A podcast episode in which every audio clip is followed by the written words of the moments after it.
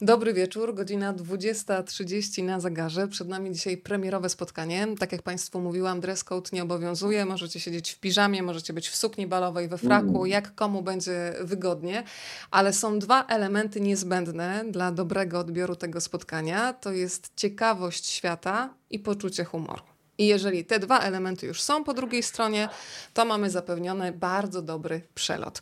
E, czas najwyższy przywitać e, dzisiejszych gości, autorów tego oto komiksu, który właśnie nadlatuje. Detektyw Wróbel i Złamane Pióro, a to oznacza, że razem z nami już są Tomasz Samojlik, dobry wieczór. Dobry wieczór. I Adam Wajrak, dobry wieczór. Dobry wieczór. Panowie, mamy taki zwyczaj tutaj w Rozmawiam, bo lubię, że najpierw lokalizujemy naszych rozmówców. E, I tutaj niespodzianka. Adam nie jest w miejscu, w którym zazwyczaj jest. Teremiski to dzisiaj nie. To gdzie ty dzisiaj nie, jesteś? Nie, nie, ja jestem akurat w bardzo dobrym miejscu, jeśli chodzi o naszą książkę, bo jestem w mieście. Jestem w Krakowie, w naszym wielkim, pustym mieszkaniu z Nurią. Tutaj jestem z naszymi przyjaciółmi, bo Nuria przyjechała e, omawiać jakieś ważne publikacje naukowe, a ja e, chodzę po mieście, gotuję zupy i e, fotografuję ptaki. Będzie jak e, znalazł do następnego tomu. Wrócimy dzisiaj, do tej zupy. Dzisiaj za oknem widziałem raniuszki. Tutaj o wiele łatwiej niż w Białowieży. Nie było. Słuchaj, i ja te raniuszki pamiętam jeszcze z czasów radiowych, kiedy mi opowiadałeś. I ja pamiętam, że one mają taki brzuszek okrągły i taki długi ogonek. Mhm. Dzięki tobie już je znam. E, Tomek, to już wiemy, gdzie siedzi razem z nami Adam, a teraz e, w pewnym sensie wpraszamy się do ciebie do domu i gdzie jesteśmy na mapie? Jesteśmy w Hajnówce, czyli, czyli na skraju Puszczy Białowieskiej. Ja jestem w moim domku malutkim, skromniutkim, w moim wymarzonym gabinecie. Po wielu latach marzeń wreszcie mam swój zakątek gdzie mogę się rozłożyć z moimi komiksami i nie muszę tego sprzątać wieczorem, bo rano będziemy jeść na tym stole śniadanie. Więc to jest to moje e, wymarzone miejsce. Za mną są praktycznie same komiksy, tak gwoli ścisłości. Będziemy pewnie też rozmawiać dzisiaj o komiksach, ale ta zupa mi nie daje spokoju. Adam powiedział, że siedzi, gotuje zupy. Tomek, ty też masz jakiś talent kulinarny, bo zaraz przejdziemy do zainteresowań naukowych, ale tak krok po kroku, to e, masz jakieś danie popisowe? Podobno naleśniki całkiem nieźle smażę. A z, jaka jest zawartość w środku? Bo ciasto naleśnikowe to już jest sztuka, ale w środku co? Wiesz co, one są podobno same w sobie takie fantastyczne, że to już nie ma znaczenia, co ja tam do środka włożę. Ale najchętniej na słodko, wiesz, jakiś taki dżemik z piwniczki naszej. No to y, słyszą Państwo to, co ja, że nie tylko potrafią zrobić świetny komiks panowie w duecie, ale w zasadzie jakiś taki bar mleczny mogliby już otworzyć. Naleśniki już mamy, a ta zupa do Dama Wajraka to jaka by była? No jutro będzie zupa e, dyniowa z imbirem. Bardzo, bardzo polecam. Rozgrzewająca afrykańska zupa dyniowa z imbirem. A e, ostatnio Nuri w Hiszpanii zrobiłem barszcz na zakwasie. Zrobić barszcz z buraków na zakwasie w Andaluzji to jest coś. Mistrzowie świata, drodzy Państwo. A ja już Wam powiem, że słuchajcie, jesteśmy w Ursusie, jesteśmy w Łodzi, jesteśmy w Londynie. E, państwo się tutaj meldują też e, z Tarnowa, e, Warszawa Kabaty i kolejne osoby cały czas do nas dołączają. Drodzy Państwo, tym co dobre należy się dzielić. Pod tymi oknami, w których jesteśmy widoczni jest taki guzik udostępnij. Wystarczy nacisnąć i to spotkanie pojawi się również na Waszej facebookowej osi czasu. Pozwólcie, że ja teraz dokonam oficjalnej prezentacji Panów, zanim przedstawię Wam detektywa Wróbla. Mogę powiedzieć, że to e, ojcowie detektywa Wróbla, literaccy komiksowi, e, no ale najpierw przedstawię ich samych. E, Tomek, pomyślałam, że ciebie przedstawię jako jedyną znaną mi osobę, która potrafi narysować melancholijną dżdżownicę, bo przed dzisiejszym spotkaniem trafiłam na twoje warsztaty komiksowe, które są dostępne w sieci. Czy to wymaga wysiłku, melancholijna dżdżownica? Jak to wygląda? Słuchaj, to, to, są, to są lata prób, porażek, nieustannego walenia głową w mur, aż do momentu, kiedy człowiek wreszcie potrafi. To jest 10 tysięcy godzin e, treningu, żeby oddać melancholię dżdżownicy. Przede wszystkim trzeba ją zrozumieć. Musicie Państwo sobie uświadomić, jak melancholijne potrafią być dżdżownice. Drodzy Państwo, od dzisiaj możecie się chwalić, że znacie człowieka, który fantastycznie rysuje melancholijne dżdżownice, ale teraz już bardzo serio. Przed Państwem bardzo poważny naukowiec. Tomek, przyznaj się szczerze, jaki masz tytuł naukowy, bo tutaj komiksy, komiksy, niektórym się to kojarzy niepoważnie, ale za tymi komiksami stoi też bardzo rzetelna wiedza, więc poproszę o tytuł naukowy. Doktor habilitowany nauk biologicznych. Który fantastycznie oddaje melancholię dżdżownicy. E, Tomek pracuje w Instytucie Biologii Ssaków Polskiej Akademii Nauk w Białowieży. Jak, jak przeczytacie w jego oficjalnym biogramie, nocami zajmuje się pisaniem i rysowaniem. Ja tutaj przypomnę m.in. kultowego Żubra Pompika, trylogię komiksową Umarły Las, e, stworzoną wspólnie z siedzącym obok nas Adamem Wajrakiem. E, przypomnę też czterotomową sagę fantazy o ryjówce przeznaczenia. No i jeszcze warto powiedzieć o całej serii książek pod wspólnym hasłem Zwierzaki, Ambaras, Tarmosia, Bercia i Orson. I to jest taka oficjalna prezentacja, ale Państwo zaraz poznają Tomka w rozmowie. E, no i czas oczywiście przedstawić Adama Wajraka. Adam nieraz nie dwa, już Ci mówiłam, że jesteś moim ulubionym panem od y, przyrody. Y, chociaż teraz już mam dwóch ulubionych panów przykro mi, musisz się jakoś podzielić e, tym tytułem. Jesteś fantastycznym dziennikarzem, e, fotografem. Polecam zresztą Państwu śledzenie facebookowego profilu mm, Adama, bo tam są zdjęcia ornitologiczne z Polski, z Hiszpanii. Okazuje się, że te ptaki obok nas e, potrafią się wbijać w takie kadry przy tego obiektyw, że jest to niezwykłe. Z Adamem rozmawialiśmy już niejednokrotnie, między innymi o książce Wilki, o zwierzakach Wajraka, o książce Wielka Księga Prawdziwych Tropicieli, niedawno książce Na Północ i obiecuję obiecuję, że tę rozmowę będziemy jeszcze tutaj kontynuować.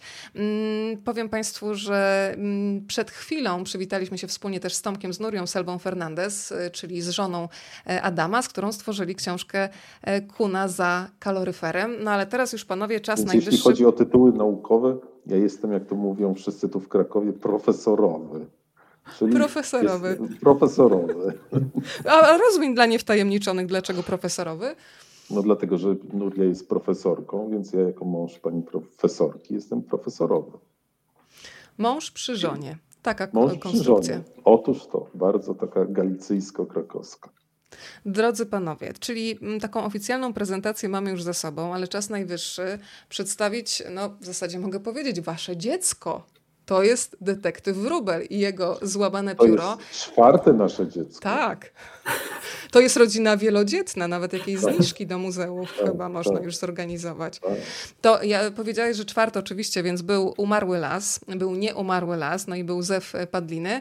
To może zacznijmy od historii waszej znajomości. Tym bardziej, że z tego co pamiętam, no tam było i zabawnie, e, i dramatycznie. Kot, kupa, klatka, autobus, pociąg. Który z was to rozwinie? No to było tak, że znaczy Tomek twierdzi, że myśmy się poznali wcześniej. Myśmy się na pewno poznali wcześniej. E, natomiast, e, natomiast te komiksy powstały w takiej sytuacji, że ja jechałem z jakimś kotem, dla którego znalazłem dom w Warszawie i chyba miałem jeszcze narty i plecak, bo jeszcze przy okazji jechałem na Spitsbergen a może miałem jakieś inne rzeczy. I... Można tak przy okazji jechać na Spitsbergen? No tak, bo jak ja już wyjeżdżam, to zabieram wszystko ze sobą. I chciałem zabrać i tego kota, i narty, i, i y, aparat, i statywy. I Tomek mi bardzo pomagał taszyć te rzeczy, bo jeszcze linia kolejowa Warszawa e, Hajnówka w Siedlcach była rozgrzebana, więc to był raz, raz e, pociąg, raz autobus, raz coś w ogóle to już sama w sobie była potężna wyprawa. I sobie w przerwach między miauczeniem tego kota, który zrobił rzadką kupę i zrobił się straszny smród, rozmawialiśmy, co możemy zrobić. I no to był też trochę taki czas e, walki o Puszczę Białowieską. E, I w Puszczy chyba zasadniczy problem polega na tym, że ludzie no nie chcą zaakceptować tego, że część drzew musi być martwa, że to bogactwo tego lasu tak naprawdę zależy od martwych drzew. No i pomyśleliśmy sobie, że dla dorosłych już jest cała masa różnego typu, tego typu historii e, dotycząca martwych drzew i dorosły człowiek sobie znajdzie, a dla dzieciaków nie ma tak czegoś takiego, tak? No i Tomek mówi, to zróbmy western. Genialna rzecz, a obok, a obok miejsca, gdzie ja mieszkam, e, jest takie, taka, taki, taki kawałek puszczy zalany przez bobry i tam jest masa martwych drzew. I jak ta gospodarka leśna w puszczy była bardzo silna jeszcze przed laty, to to było jedyne miejsce, gdzie były wszystkie dzięcioły. I wszyscy na to mówili martwy las. Ja mówię, słuchaj, jest takie miejsce, zróbmy o takim miejscu tą całą opowieść. No i Tomek wymyślił znakomitą tą westernową historię, którą e, ciągniemy przez dwa, przez dwa później ona się pociągnęła przez kolejną obrzydlistwo, czyli przez padlinę. No a później jak się nam to tak spodobało, to, to przenieśliśmy się do miasta. Popatrzcie, kto komentuje. Małgorzata Gałysz-Wyrubel, zdradzę Państwu, bo to jest zazwyczaj kobieta, która jest w cieniu, ale jest fantastyczną, oddaną całym sercem promotorką książek. I ja już wiem, dlaczego ona tutaj tropi takie dobre e, książki, bo po prostu ma detektywa w rodzinie i powiedziała, co tam Spitsbergen, Hajnówka Warszawa, by PKP to się nazywa wyzwanie. To panowie, zaglądam do wstępu, do książki o detektywie w rublu, mm, no i piszecie szczerze, wiemy, Wiemy, naprawdę wiemy, po przygodach Triko, czyli dzięcioła trójpalczastego w umarłym lesie i nieumarłym lesie oraz po zmaganiach o drogocenną padlinę w zewie padliny, trudno uwierzyć, że teraz mamy dla Was książkę o ptakach w mieście. Dlaczego, drodzy panowie, uznaliście, że trzeba się wytłumaczyć z takiego, a nie innego wyboru? No to ja może. Tomek, mów. Tak, Adam, proszę, tak, tak, tak. Nie, nie, ja może od razu powiem, że my trochę tak kokietujemy, tak? Bo my, nasz czytelnik jest bardzo rozwinięty przyrodniczo i prawda jest taka, że trochę kokietowaliśmy, e, mówiąc, że martwe drzewa są ciekawe. Trochę kokietowaliśmy, mówiąc, że padlina to nie jest nic obrzydliwego. No i teraz też kokietujemy, bo jesteśmy bardzo kokieteryjni stąd pasujemy do siebie wszyscy tutaj. Mm, tak.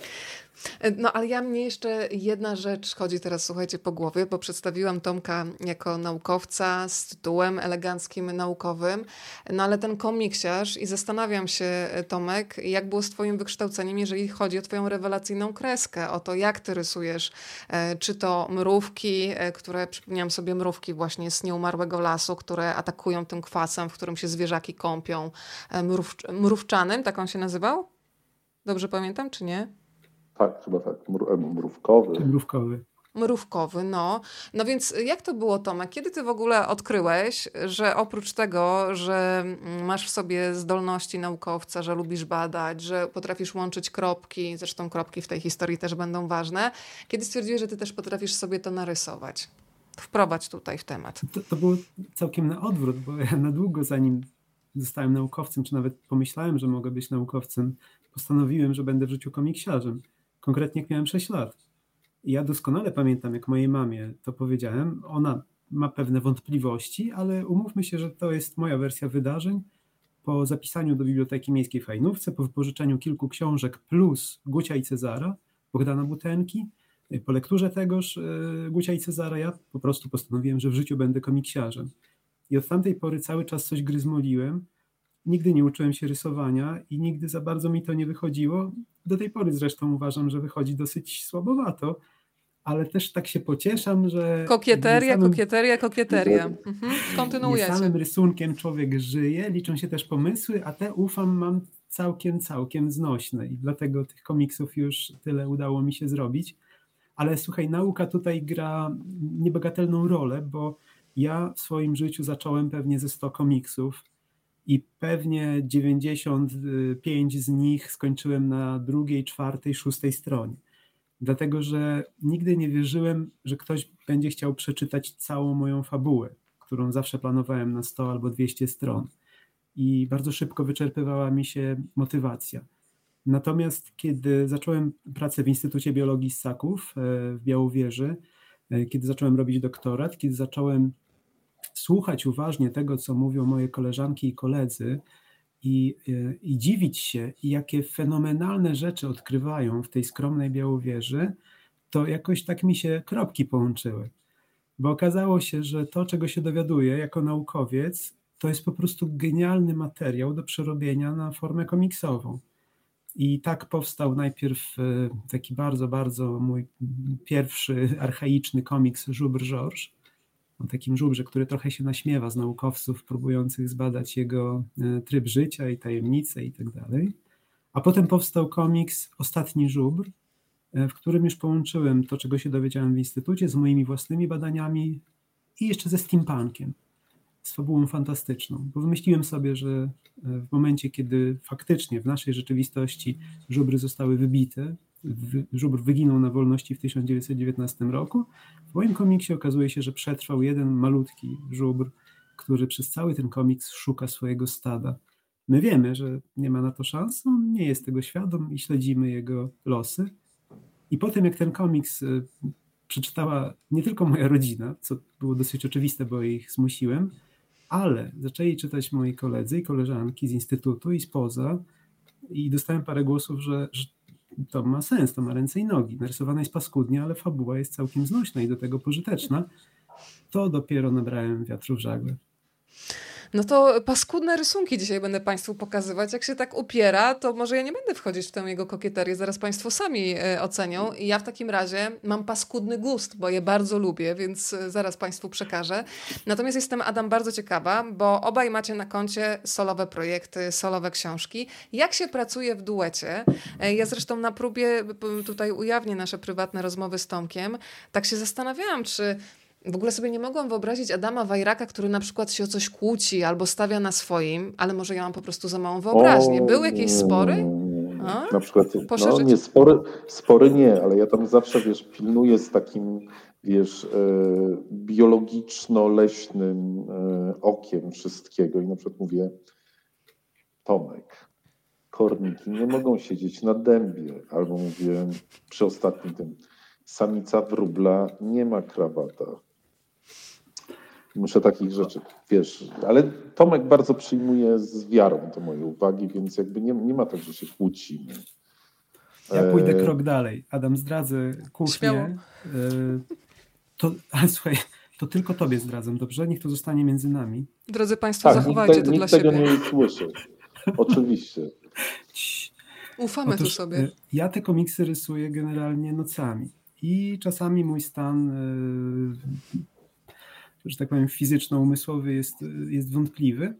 I e, zdarzyło mi się narysować scenę, w której w detektywie Wróblu ptaki e, zbierają owady rozgniecione na, na rejestracji samochodu, na, na tablicy tak, rejestracyjnej. Bo one tak robią. I byłem taki dumny z siebie, tak fajnie wymyśliłem ten kadr i ta ciężarówka tak pięknie stała. Wysłałem to wszystko Adamowi, czekam na oklaski. Adam, Adam do mnie dzwoni Mówi Tomek, ale słuchaj, to jest rejestracja z tyłu samochodu. Jak one tam mają się rozbijać? Coś ci się pokićkało. No tak, tak. Więc no, jak się Państwo domyślacie, musiałem e, przekręcić e, auto na tym rysunku, co się wiązało z tym, że po prostu połowa strony poszła do kosza, trzeba było narysować od nowa, ale i takie rzeczy się zdarzają e, Oczywiście. w naszej współpracy. Natomiast te uwagi myślę, że mogę za nas obu powiedzieć, przyjmujemy z uśmiechem, ze zrozumieniem i, i to jest zupełnie naturalne. Znaczy nam, się, wiesz, nam się dobrze bardzo pracuje, bo, bo przenikamy się pomysłami bardzo i napędzamy. I też jest dobre to, że Tomek się niczego nie boi. To znaczy, e, chyba, chyba takim największym wyzwaniem był komiks o Padlinie, bo jak martwe drzewa są jeszcze do przełknięcia, to e, komiks o, o, tym, że martwe zwierzęta też są potrzebne w lesie i że muszą tam być, że są częścią tego ekosystemu i że, że każdy ich potrzebuje, no to to już było troszkę trudniejsze. I ja niedawno byłem na jakiejś takiej ważnej konferencji. Spotkałem wicedyrektora ważnego mm, parku narodowego w Niemczech, jednego z najważniejszych. I on mi mówi, wiesz, już przekonaliśmy wszystkich do tych martwych drzew. I teraz musimy jakoś dzieciom opowiedzieć o padlinie. Ja mówię, proszę bardzo, my mamy gotowy komiks. Można, tak. można. Adam, Adam rzeczywiście jest katalizatorem wielu przemian w mojej karierze y, komiksowej, ponieważ. Oj, nie przez, przez niego pierwszy raz narysowałem e, w umarłym lesie w ogóle martwe zwierzęta. Zawsze to, to jakoś obchodziłem, to znaczy to były zwierzęta ogłuszone, które sobie spały, a Mogiłczyk, bohater umarłego lasu, rzeczywiście zbierał martwe zwierzaczki do swojej dziupli a przy Zewie Padliny to już naprawdę była jazda bez trzymanki, bo tam mieliśmy wręcz e, owady, które zamieszkiwały Padliny i z niej no tak. w kluczowym momencie po prostu wychodziły, więc ochyda na całego, ale paradoksalnie chyba ta część e, wzbudziła największy zachwyt wśród e, młodych czytelników. Bo ale tę scenę to mi każdy teraz pokazuje i wypomina. Ale No wiesz, wiesz, wiesz, już różnego rodzaju kupy przed nami, jak to się mówi. Ale to słuchajcie, wyświetlił mi się w głowie taki dymek, kiedy chyba mm, nasza Purzysława, y, kiedy poznaje mm, głównego bohatera, detektywa Wróbla i w ogóle patrzy, jak skomplikowane jest to życie ptaków miejskich, mówi w pewnym momencie makabryczne, ale fascynujące. I to by pasowało no tak, też do tego, o czym mówicie. To słuchajcie, ja tutaj będę korzystać z fotografii. Te fotografie, drodzy Państwo, znajdziecie w książce, oprócz komiksu. Y, jest też cała masa przyrodniczych informacji podanych w taki sposób, że po prostu się je chłonie, a potem nawet mając tak jak ja po 40 się biega i mówi, a wiecie, że te wróble, a wiecie, że te sokoły. Więc panowie, bardzo wam dziękuję za uzmysłowienie, że przygoda naprawdę czai się za rogiem, tylko wystarczy włączyć uważność. To pokażmy tego wróbla.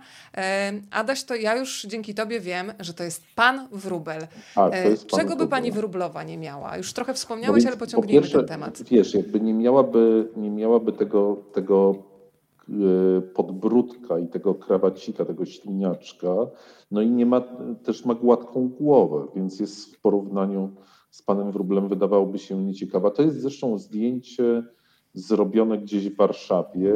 E, nie jestem pewien, czy nie w okolicach właśnie Pałacu Kultury i Nauki, tak zwanej Patelni. Nie wiem, czy, czy nie tam. Tam jest pełno wróbli. Ja uwielbiam zawsze, jak, się, jak jadę przez Warszawę, to lubię tam pobuszować, popatrzeć na różne ptaki, które się tam kręcą. I w tych krzaczorach naprawdę jest dużo ciekawych ptaków. To, ja, to jest chyba teraz dobry moment, żeby pokazać te paskudne ilustracje. Tak zapowiedział sam autor. E, czy Państwo też mają paskudny gust? Zobaczmy, bo to idealnie do mnie trafia. Tomasz Samojlik, oczywiście autor ilustracji, ale dzięki tym ilustracjom Państwo mają okazję, żeby nie tylko zobaczyć naszego tytułowego detektywa mm, Domikusia, ale też y, Purzysławę. E, powiedz w ogóle, Tomek, którą z postaci Ci się najtrudniej rysowało? Który z ptaków był wcale nie taki łatwy do uchwycenia w komiksowej kresce? O rany, to wiesz co, to jest takie podchwytliwe pytanie, bo jak pewnie ty widzisz i Adam jest doskonale tego świadom, ja bardzo upraszczam te ptaki e, i do tego stopnia, że chyba bez podpowiedzi, bez tej ściągawki, którą umieszczam na początku każdego naszego komiksu, pewnie byłoby trudno odgadnąć, co to tak naprawdę za gatunek jest ale robię to z dosyć prostego względu. Nie potrafię ładnie narysować. to po pierwsze. Ale to, to ja się tu nie zgodzę, bo ja od razu protestuję, bo, bo na przykład po tych ptakach, jak tam, nie wiem, czy widzieliście, jak cofniesz ten rysunek, to po tych ptakach, na przykład po ptakach drapieżnych, nie, nie, nie ten, ten wcześniejszy, wiesz, Dobrze, ale, tutaj już, też, już ale, tutaj też, ale, ale tutaj też widać bardzo dobrze, że one, wiesz, one wszystkie mają Proszę taki bardzo. charakterystyczny, widzicie, na przykład widzicie tych trzech tam, tak zwane ptaki szponiaste, to się tak nazywa, tych trzech stojących tam e, z puszczykiem, to widać, że to jest pustułka, widać, że to jest krogulec i widać, że to jest e, sokół. To widać. Pustułka ma szarą główkę ładną, wszystko się zgadza, cudownie. Czyli Także... powinien przestać już z tą kokieterią, krótko mówiąc. Tak, tak, powinien przestać z tą kokieterią, bo widać bardzo, Tomek bardzo fajnie oddaje te najważniejsze, oczywiście to są ptaki komiksowe, natomiast to są, one, one bardzo fajnie oddają cechy gatunku. Więc jakby ktoś, kto jakby zna się na ptakach, nie będzie miał problemu z powiedzeniem to jest pustułka albo to jest krogulec, więc jakby czy to jest wróbel, E, one są naprawdę, naprawdę, naprawdę bardzo fajnie narysowane. E, I nie, nie, nie ma czegoś takiego tutaj. Nawet jakby nie było tego wyjaśnienia na, na pierwszej stronie, to myślę, że wielu ludzi by się połapało. E, Jesteś Tomek, przemiły, bardzo Ci dziękuję. Ja jeszcze się tylko wytłumaczę, że ja zawsze szukam klucza takiego, żeby w bardzo uproszczonej formie oddać moich bohaterów i, i jak Państwo już widzicie na tej stronie, na przykład Szponiasty to jest gang motocyklowy. Mają takie charakterystyczne chusty na głowie, mają prawie że skórzane kurtki, e, które odpowiadają kolorowi upierzenia danego gatunku. W Umarłym Lesie były to stroje kowbojskie, e, czyli kapelusze z szerokim rondem e, i z piórkiem i tak dalej, ale zawsze w tym kolorze, który faktycznie dany gatunek ma gdzieś tam na czubku głowy. I w tym komiksie najtrudniej, to się przyznam, rysowało mi się gołębie. E, dopóki nie wpadłem na pomysł, że to są po prostu siły porządkowe, że to są gliniarze miejscy. I wtedy, jak już mogłem narysować im takie konkretne czapeczki policyjne, powiedzmy, to, to już poszło, poszło gładko. to chyba, chyba po prostu gliniarze z obecnych czasów, bo tacy nieogarnięci. Nie. Słuchaj, oni są bardzo ogarnięci, tylko że cel mają przesunięty trochę nie w tę stronę. E, nie chcę cel granatnika? Nie, nie, nie. Chodzi, chodzi nie Strzał w dziesiątkę tylko, to był. Tylko o, o kromeczkę chleba, która tam A, jest ważniejsza niż śledztwo. No, zdecydowanie ważniejsza. No tak, ale, tak. ale, słuchajcie, ci, którzy znają y, poprzednią serię Umarły las, nie umarły las ze wpadliny, no to się uśmiechną, no bo niektórzy y, bohaterowie wracają przecież. Włochatka, o, jeżeli wywołałam Włochatkę, to przecież Adaś jest y, osobą, która fantastycznie imituje odgłosy, które wydaje Włochatka. E, drodzy Państwo, ja bym sugerowała teraz włączyć nagrywanie. Jak Wam będzie kiedykolwiek w życiu smutno, takie momenty przychodzą i one atakują z nienacka, włączycie sobie to nagranie, podziękujecie Adamowi i jakoś będziecie mieli siłę znowu wejść Proszę w nowy bardzo. dzień. Poprosimy w takim razie o Włochatkę, niech do nas przemówi. Proszę bardzo, Włochatka robi tak. Siedzi w dziupli i tak robi. Ale to Ale ona czy on? Się... On, on. Natomiast mi się nigdy nie, nie, szczerze mówiąc, nie wiem, jak ona robi. I to jest bardzo zagadkowe. Nie, nie odpowiedziałbym jak włochatka samica. Jak wydaje. Musiałbym tego poszukać. To może być rzadko słyszalny głos. E, ale kiedyś, kiedyś udawałem Włochatkę i przyszły wilki, więc jakby nie wiem, czy ja dobrze udaję Włochatkę. Jesteś w Krakowie, jesteśmy spokojni o twoje bezpieczeństwo. Nie wiadomo, co tu, nie wiadomo, co tu przyjdzie. No, siła twojego przyciągania jest duża, więc faktycznie może nie, nie, już z tym nie, pupaniem zaprzestańmy. Nie będziemy tu też upupiać nikogo, na pewno obiecuję. Ja jestem, Tomek, ciekawa, która z informacji ciebie zaskoczyła, bo ja sobie uzmysłowiłam, że co ja w ogóle wiem o życiu. Zawsze obserwowałam te wróble na przykład przed moim blokiem, zapakowane w tym żywopłocie, w krzakach po prostu i dopiero jak opowiedzieliście mi o tym, że przychodzą te inne drapieżniki, które po prostu tak bezczelnie je wytrząsają, one po ciemku się gubią, no makabrycznie, ale fascynująco. Kontynuując, no to było dla mnie szokujące, ale też historia z Sokołem, którą za chwilę będziemy kontynuować, niesamowita. E, co ciebie najbardziej zaskoczyło? Wydaje nam się, że jesteśmy dorośli, mniej więcej ogarniamy rzeczywistość, a jest tyle jeszcze tajemnic do odkrycia. Wiesz co, chyba najbardziej e, zaskoczyło mnie to, jak ptaki drapieżne doskonale wykorzystują warunki miejskie.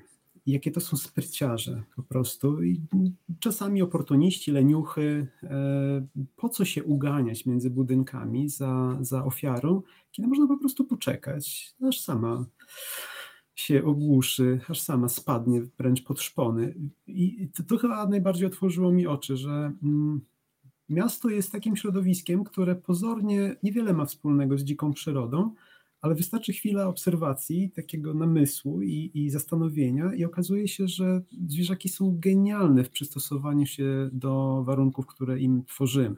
Niejako tak mimochodem, prawda? Przecież nieintencjonalnie. No nie po to wznosimy wieżowce, żeby łatwiej się polowało sokołowi. Wywołałeś sokoła, to niech on no teraz wiesz, tutaj jest... nadleci. Proszę, proszę. Mm, dobra, okej. Okay. A że nie, że to nie soku? Tak był podpisany. To tak jest podpisane w zdjęciach, ale mam nadzieję, że to zostało, że, ale jego Te, nie ma w tego, książce. Tego nie ma w książce. Czy to wyjaśnimy hmm. w takim razie? To, to kto to nie, jest? Nie, to, to jest pustułka zapewne. O proszę. E, tak. Nie, nie, to, to, to jest Drodzy Państwo, to pustułka, ale na szczęście jest wszystko na żywo. I, i to, nie, tutaj... to, nie jest, I to nie jest moje zdjęcie. Uwaga, żeby było jeszcze lepiej. To, to, już, to już wracam do Was w takim razie. Nie, Jakiś nie, wróbel mnie tu podpuścił. Do nas. Nie, nie, to było trochę, to, to jest trochę też uroda wybierania zdjęć. Wiesz, one czasami, dlatego ja się nauczyłem fotografować, bo bo bardzo często w tych agencjach zdjęcia są podpisane na przykład sokół, a sokół to oznacza tak sokolniczy, nie tylko sokół, sokół wędrowny. No ale ten, to I... zostańmy przy tym wędrownym, słuchaj, bo zrobiłam dzisiaj zagadkę Więc... dla Państwa, tylko umówiłam się. Mów, mów. Proszę. Więc sokół wędrowny jest przefajnym, przeciekawym drapieżnikiem, który kiedyś był w miastach. Są takie zapiski e, z XIX wieku, jak w Warszawie lata po krakowskim przedmieściu i ku ucieszek gawiedzi objada gołębie, gdzieś tam siedząc na którymś z tych ważnych kościołów, nie pamiętam na którym już. E, ale sokoły wędrowne można zobaczyć stojąc pod Pałacem Kultury. Ja ostatnio widziałem dwa razy po prostu szybującego sokoła. To było coś niesamowitego, coś wspaniałego. Ten gatunek został przywrócony dzięki sokolnikom, dzięki ochroniarzom przyrody e, i można go zobaczyć w centrum miasta. Do tego możemy zobaczyć pustułki oczywiście, do tego możemy zobaczyć krugulce, czasami, czasami jastrzębia, więc tam się naprawdę w mieście się bardzo dużo dzieje i miasto jest trochę taką, jeżeli ja bym do czegoś porównał, do takiego literackiego, takiej literackiej historii, no to jest taka ziemia obiecana. To jest taka po prostu, idziemy z tej wsi i albo dużo zarobimy i będzie nam wspaniale, albo po prostu stracimy życie i będzie nam źle. No jest, to, jest to świat zupełnie nowych możliwości, trochę przypominających to, co się dzieje w naturze, ale też stwarzający bardzo dużo nowych zagrożeń, o których, o których też jest nasz komiks, bo nasz komiks opowiada o bardzo jednym ważnym zagrożeniu. Zastanawiam się właśnie, ile możemy Adam zdradzać, e, żeby nie odbierać też przyjemności odkrywania tej historii, bo każdy, kto będzie czytał, w pewnym sensie będzie się utożsamiał z naszym detektywem e, wróblem, więc przerzucę tę odpowiedzialność na Was, żeby nie było, że ja tutaj wygaduję i odbieram przyjemność. To co możemy zasugerować, ale żeby w odpowiednim momencie się ugryźć w język? O, no ta ja istota chcę, ja opowieści. Znaczy ja chcę powiedzieć, że, że, że wszyscy nasze komiksy zawsze, zawsze chcemy, żeby poza przygodą, poznawaniem otaczającego nas świata mówiły o jakimś problemie, tak? I ten komiks mówi o bardzo, bardzo ważnym problemie, jakie mają w sensie dosłownym, w takim zderzeniu z naszą cywilizacją. O tak to ujmę. Bardzo, bardzo ładnie, enigmatycznie, tym samym e, przyciągająco. Tutaj autor widać, że e, jest już zaprawiony w bojach, jeżeli chodzi o e, promocję książek i takie chwytliwe hasła, które faktycznie przyciągają. Ja się dzisiaj, słuchajcie, zastanawiałam, z którym z bohaterów ptasich, których przedstawiacie, nazywacie ich nieludzkimi mieszkańcami metropolii, się utożsamiacie.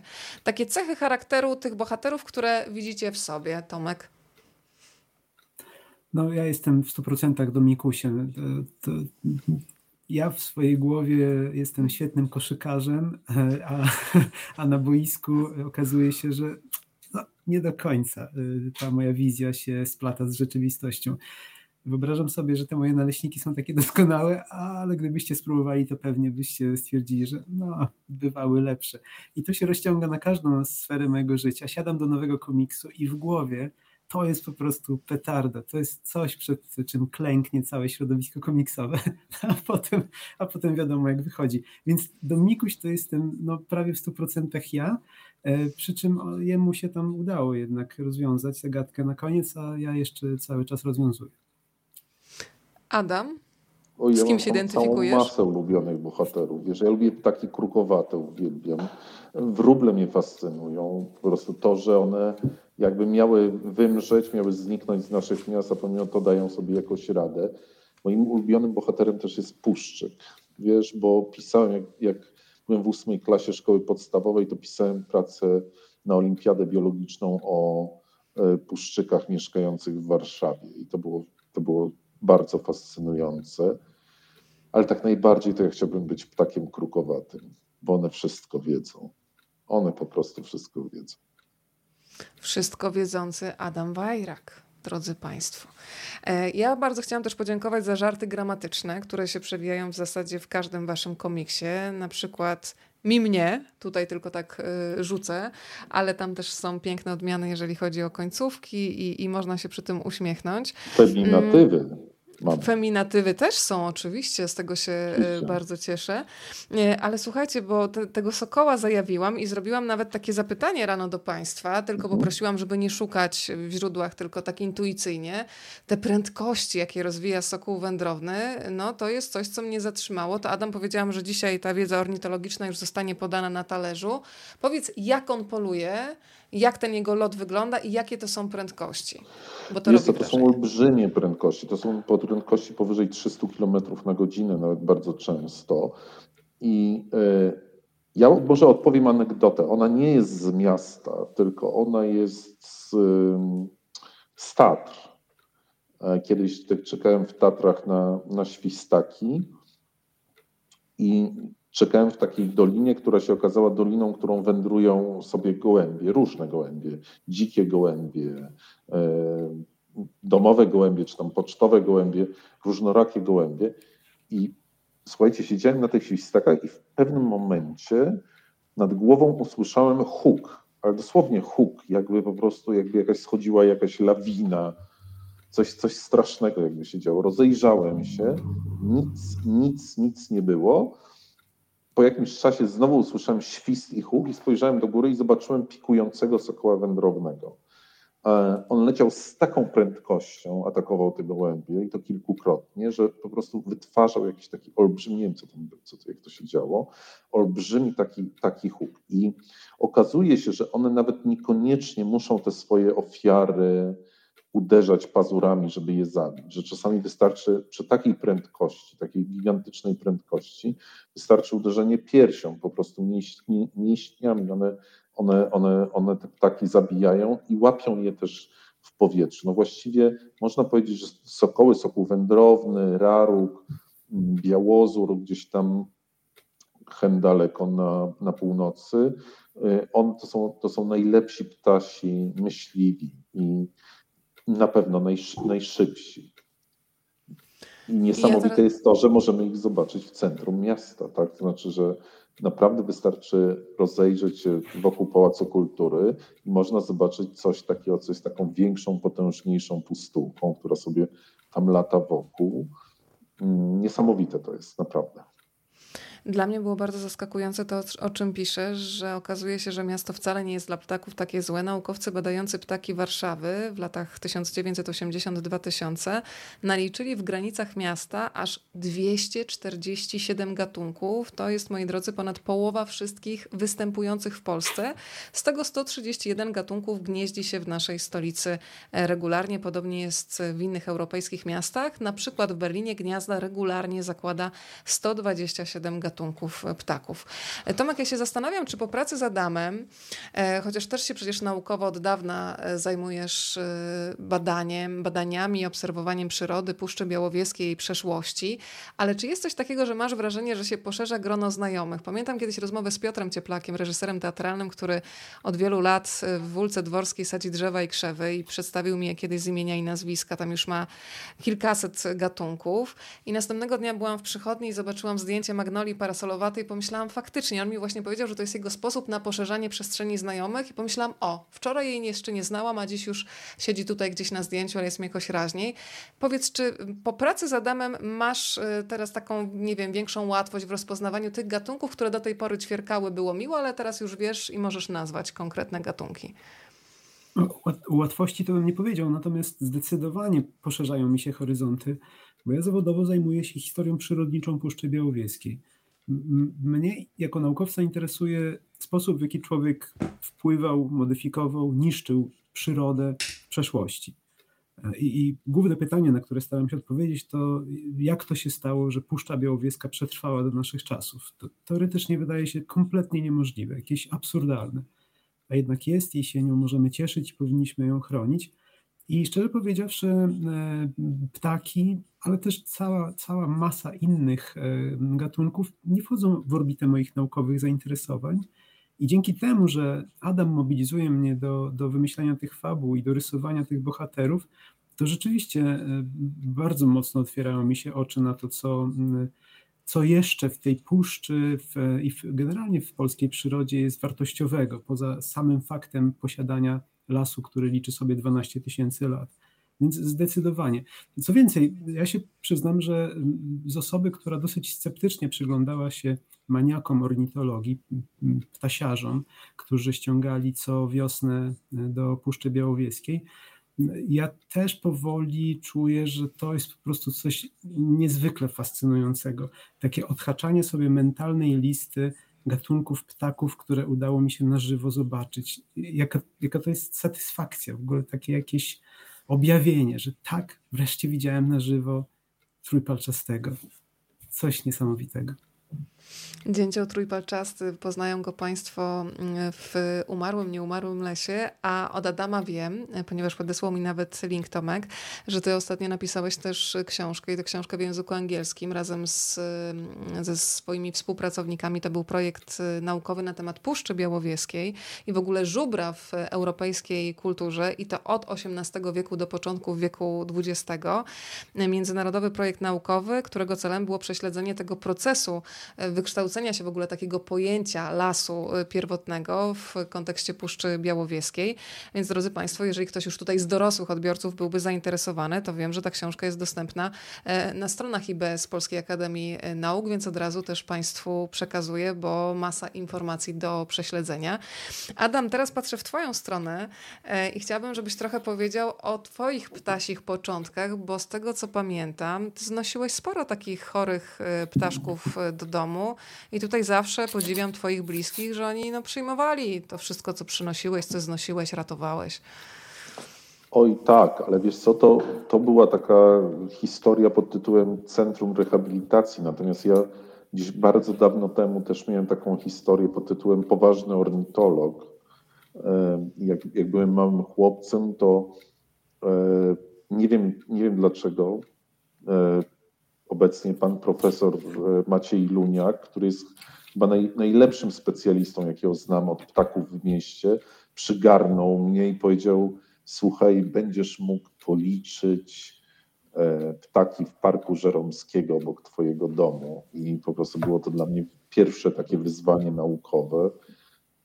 E, zresztą gdzieś tam jestem w podziękowaniach chyba w Atlasie Ptaków Warszawy. Wiesz, i ptaki w mieście to były pierwsze ptaki, które tak naprawdę spotykałem. Gołębie, pierwsze wrony, które się zaczynały przenosić do Warszawy, bo kiedyś wrona nie była mi bardzo miejskim ptakiem. E, fascynujące historie z tymi puszczykami, które sobie mieszkały w różnych, w różnych miejscach. Miałem na przykład takiego puszczyka, który, to jest śmieszna anegdota, który mieszkał e, w dziupli w łazienkach ja już w wieku nastoletnim, y, jak chciałem e, zrobić wrażenie na jakiejś dziewczynie, to ją prowadziłem tam do tych łazienek i mówiłem, patrz, tam siedzi sowa i one by od razu po prostu e, od razu robiło to na nich wielkie wrażenie. Podryw na puszczyka to był, tak? Podryw, tak, podryw na puszczyka. I ostatnio byłem w Warszawie i chodzę po tych łazienkach i patrzę, patrzę i tam nie ma tego mojego puszczyka w tej dziupli. Ale chodzi jakaś dziewczyna z aparatem. Ja mówię, przepraszam, czy pani szuka puszczyka? A ona mówi, tak, i mogę panu pokazać, gdzie są. I mi pokazała dwa. Czasami się role odwracają. Co zrobić? Tak, tak. To takie czasy są i one się odwracają bardzo dobrze. Więc wiesz, więc jakby ta moja ptasia przygoda z, z miastem była bardzo, bardzo ważna dla mnie, taka rozwijająca. Ona mnie też nauczyła tego, że, że takich najciekawszych, najfajniejszych rzeczy najlepiej szukać jest tuż za rogiem, tuż obok siebie, że, że one są gdzieś, gdzieś bardzo blisko.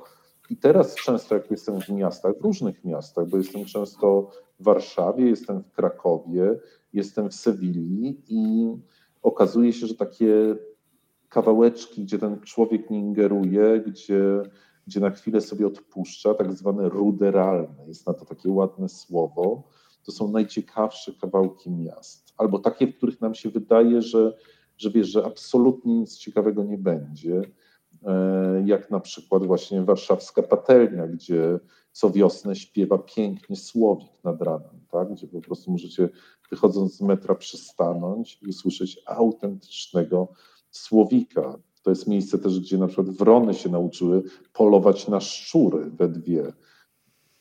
Niesłychana historia. Na, na, Makabrycznie, ale fascynująco, znowu będziemy powtarzać. Także bardzo polecam przystawanie w miastach i roz... Słuchajcie, ostatnio też na, na przykład e, byłem u mamy, wychodzę ma... od mamy, e, a tam przy naszym śmietniku na jemiołach stado jemiołuszek i zostałem, pomyślałem, że to niezwykłe szczęście. Zostałem trafiony kupą jemiołuszki w nowy rok niemalże. kto już by nie chciał zostać trafiony kupą jemiołuszki? No to naprawdę no tak. wróży wielką obfitość. Y, tak, tak, tak. Taka legenda nawet jest jemiołuszkowa. I to pod, je, pod jemiołą. Tyle szczęścia naraz. Dobrze, że byłeś w stanie to przyjąć. E, słuchaj, to ja tutaj wyjmuję z mojego archiwum kolejny rysunek e, Tomka Samojlika. I tutaj w tych dymkach jest taki napis. Będę patrzyła w prawą stronę, bo ja mam tutaj monitor. W karierze każdego detektywa przychodzi taki moment, kiedy tropy się gubią, podejrzani mają alibi, a mrok zdaje się triumfować. Odrobinę mroku bym nie odmówiła, mówi Purzysława. Jestem pewna, że na coś wpadniesz. E, I tak obiecałam sobie, że Was zapytam, czy w pracy nad komiksem też przychodzi taki moment, kiedy gubią się tropy, kiedy macie wrażenie, że zapanował mrok, wydawca ponagla, a pomysły nie chcą przyjść do głowy. Bywa tak, czy po prostu to wszystko z was wypływa? Tutaj dla tych młodych, którzy może siedzą teraz i na przykład mają w sobie ducha komiksiarza albo pisarza, to wyjaśnijmy, jak to z tą weną jest i z ciężką pracą nad komiksem. No to najpierw trzeba się z Adamem Werakiem przejechać pociągiem i to najlepiej jeszcze jak jest remont PKP. Znaczy ja od razu mówię, ja uważam pisanie za straszną katorgę i bardzo tego nie lubię. Dobrze, dobrze. Ale kiedy przychodzi pora, to siadasz i robisz swoją robotę i to jest najważniejsze. Ja również staram się robić moją robotę. Mam tu ze sobą pomoce naukowe, bo jeżeli kogoś interesuje, jak taki komiks powstaje, to postaram się tak króciutko e, opowiedzieć, że już po rozmowie z Adamem, a jeżeli robię solowy projekt, no to po rozmowie z samym sobą i uzgodnieniu, że tak, chcę robić ten komiks, to jest dobry pomysł, będzie pożyteczny i ktoś będzie chciał to przeczytać i jeszcze ktoś to wyda, e, to przychodzi bardzo uciążliwy i długotrwały etap, którego efektem jest to, czyli scenariusz. Czasami to, to nie przypomina scenariusza, zwłaszcza jak y, robię komiks solowy i nie muszę tego nikomu pokazywać, to częściej wtedy wygląda jak taki chaotyczny ciąg świadomości. Po prostu spisuję sobie scena po scenie, co się ma wydarzyć w komiksie. Jest mi to potrzebne, bo o ile mm, niektórzy komiksiarze siadają z otwartym umysłem i, i mm, rysują w miarę rozwoju fabuły w ich głowie, to ja nie potrafię. Ja muszę wiedzieć, do czego ta fabuła ma nas doprowadzić. Muszę wiedzieć, jak to się wszystko kończy, muszę wszystko mieć dokładnie przemyślane, a jeszcze lepiej od razu połączyć to z innymi komiksami, zaplanować drugą część albo sięgnąć do części wstecz, tak jak w przypadku detektywa Wróbla, który jest trochę kontynuacją, a trochę takim, to takie fajne staropolskie słowo prequelem. Ładne, jak już mam tak, to, bardzo. Zobaczcie, y, y, drodzy nasi widzowie, nie wiem, czy widzicie, to jest pokreślone, to jest pomazane. No tak to wygląda. Tutaj są fragmenty dialogów, tutaj są wszystkie te genialne odzywki, za które jestem potem ostro krytykowany.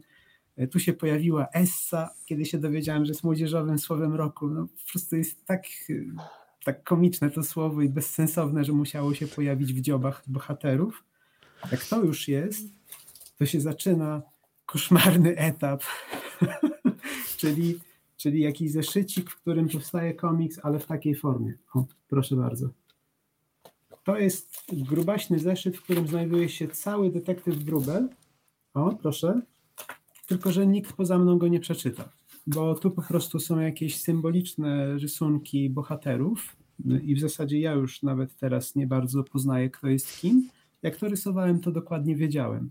To powstaje bardzo szybko. Tutaj pojawiają się już takie w miarę finalne wersje tekstów w dymkach, a przede wszystkim tu się planuje całe strony, bo w komiksie ważne jest e, mm, również to, jak kadry grają ze sobą. Wydaje mi się, że nie wystarczy po prostu wrzucić e, ciągu rysunków, dodać podpisów i będzie komiks. Bo moim zdaniem komiks to jest coś więcej. To znaczy, kiedy otwieramy strony komiksową, kiedy patrzymy na stronę komiksową, to ten układ kadrów musi jakoś tak ze sobą współgrać i jakąś spójną historię sam w sobie opowiadać. I oczywiście, jak widać, tu właśnie, tu właśnie zaczyna się cała ta historia. No i kiedy mam już to, a to mijają tygodnie, miesiące, mordęgi nad tym wszystkim, kiedy to wszystko jest dopięte, to ja dopiero mogę siąść do faktycznego rysowania. I jeszcze do, do niedawna do nieumarłego lasu robiłem to w ten sposób, że pierwsza wersja powstawała na papierze za pomocą ołóweczka, pieczołowicie rysowałem, szkicowałem wszystkie kadry, ale już od zewu padliny Niestety, prze, przerzuciłem się na pracę cyfrową i szkic powstaje już na tablecie, na ekranie. Mówię niestety, bo nie mam tej miłej pamiątki e, pracy moich rąk, czyli faktycznych kartek, na których jest chociaż na, naszkicowany komiks. Bo jeszcze wcześniej taki umarły żubr powstawał w 100% na papierze i mam do dzisiaj te karteczki zarysowane cienkopisem. To jest taka fajna pamiątka. Detektyw Wróbel ma szkic czysto cyfrowy, ale to bardzo, bardzo usprawnia pracę. I rzecz jasna, cyfrowo wprowadzam dymki, cyfrowo koloruję, cyfrowo zapisuję pliki, wysyłam Adamowi, a on potem stwierdza, że ten samochód jest tyłem naprzód. Tak.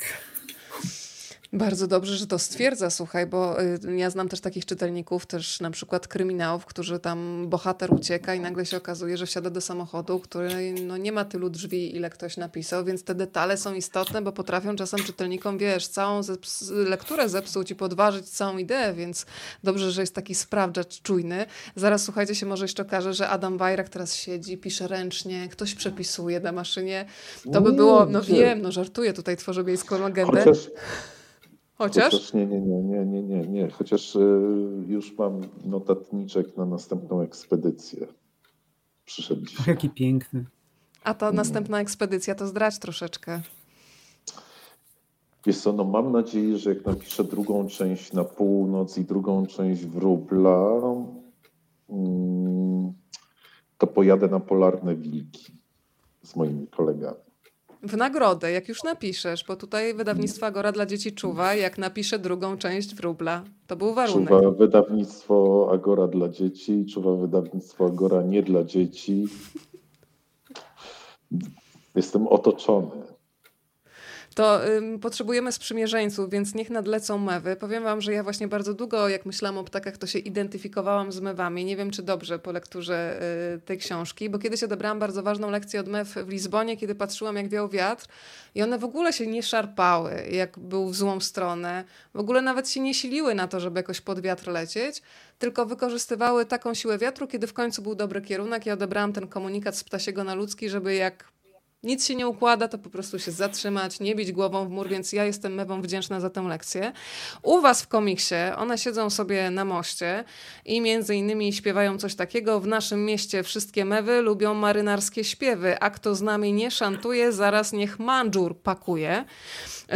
No więc powiedzmy trochę o mewach śmieszkach, bo ja byłam absolutnie zafascynowana i nie miałam Adam o tym pojęcia, że im się kolor głowy zmienia w zależności od pory roku. Powiedz Oj, mi tak. trochę więcej. A nie, to wiesz co, powiem Ci tak, to wielu ptaków się zmienia w zależności od pory roku, bo po prostu wchodzą w tak zwaną szatę gotową. Wiele ma szatę spoczynkową, później szatę gotową. One robi się im cała główka taka ciepła.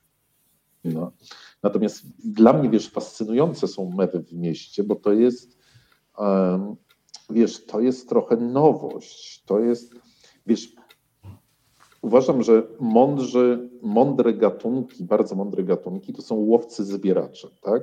I krukowate ptaki są takimi łowcami zbieraczami. Ssaki naczelne są takimi łowcami zbieraczami i mewy też są łowcami zbieraczami.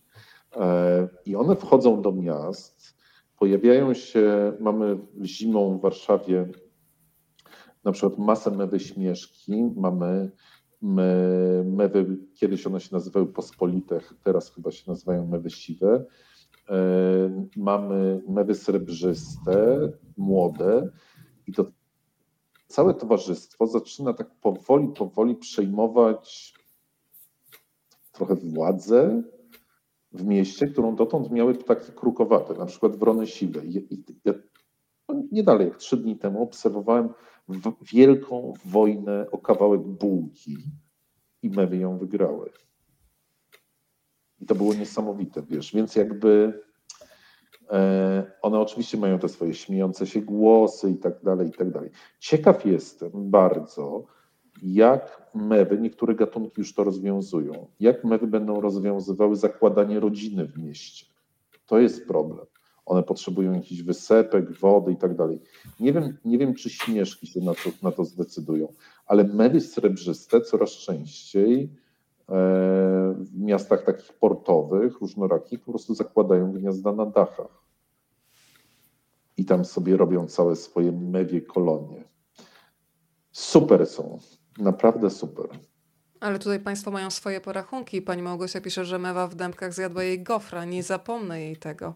A swoją no drogą, właśnie. jak mówiłeś o tych e, łowcach zbieraczy, przepraszam, to będzie strasznie głupie, ale już muszę to powiedzieć, to usłyszałam łowcy zwieraczy, przez to, że mówiłeś wcześniej o kupach, więc y, tutaj to wszystko się już zaczyna dziwnie łączyć, więc muszę się, uwolniłam się od tej myśli.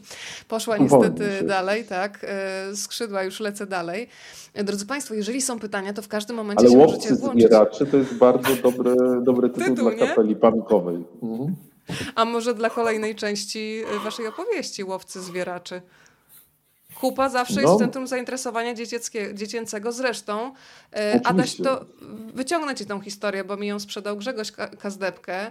Kiedyś podobno na jednym ze spotkań autorskich e, ty rozpoznawałeś kupy różnych zwierząt i, i zdałeś ten egzamin A. celująco. To powiesz niewtajemniczonym, A. jak już zabrnęliśmy tak daleko? No więc Grzegorz Kazdebkę przywiózł, przywiózł kupy mm, różnorakie i chciał e, na spotkaniu, które mieliśmy z Tomkiem, i chciał, żebym ja je rozpoznał. Więc pierwsza kupa to był Białystok, e, kupa dużego trawożercy, ładnie uformowana, to było łatwe. Żubr. No ale druga kupa e, pachniała kotem, więc i była takim sporym balaskiem, więc od razu widziałem, że ryś. Też to było łatwe po prostu. Ale najgorsza była trzecia. Aha. I ja miałem od razu pewne podejrzenie, bo Grzegorz Kazdepko jest z Białego Stoku. Grzegorz Kazdepko jest z Białego Stoku, więc jak zobaczyłem tą kupę żubra, później tą kupę rysia, to myślę sobie, oho, wykorzystał swoje układy w zoo białostockim i stamtąd je ma. E, no ale mój detektywistyczny obraz e, się posypał, kiedy dostałem kolejną kupę, która była duża. Kształtem wyglądała jak kupa niedźwiedzia. Ja bardzo dobrze znam kupy niedźwiedzia, ponieważ dla Nuri muszę zbierać kupy niedźwiedzia. To są problemy ale, małżeńskie, drodzy Państwo. Tak, ale nie pasował mi zapach, bo zapach był taki rybi. E, I ja, no, kupa niedźwiedzia, rybi zapach z ogrody zoologicznej. Mówię, Grzesiek, mówię, to jest kupa niedźwiedzia polarnego, ale w Białymstoku nie mają, nie mają niedźwiedzi polarnych. On mówi, zgadza się, bo myśmy ją sprowadzili z Warszawy. Jakoś sobie załatwił z Warszawy. Tak, więc jakby tak to było. W kupach muszę powiedzieć, jestem dobry właśnie dzięki e, mojej e, małżonce. Kupy są w ogóle bardzo Nie, o kupach, musi, ty, o kupach musimy zrobić, absolutnie. Mam świetną historię o kupach. Okay. Łowcy zwieraczy.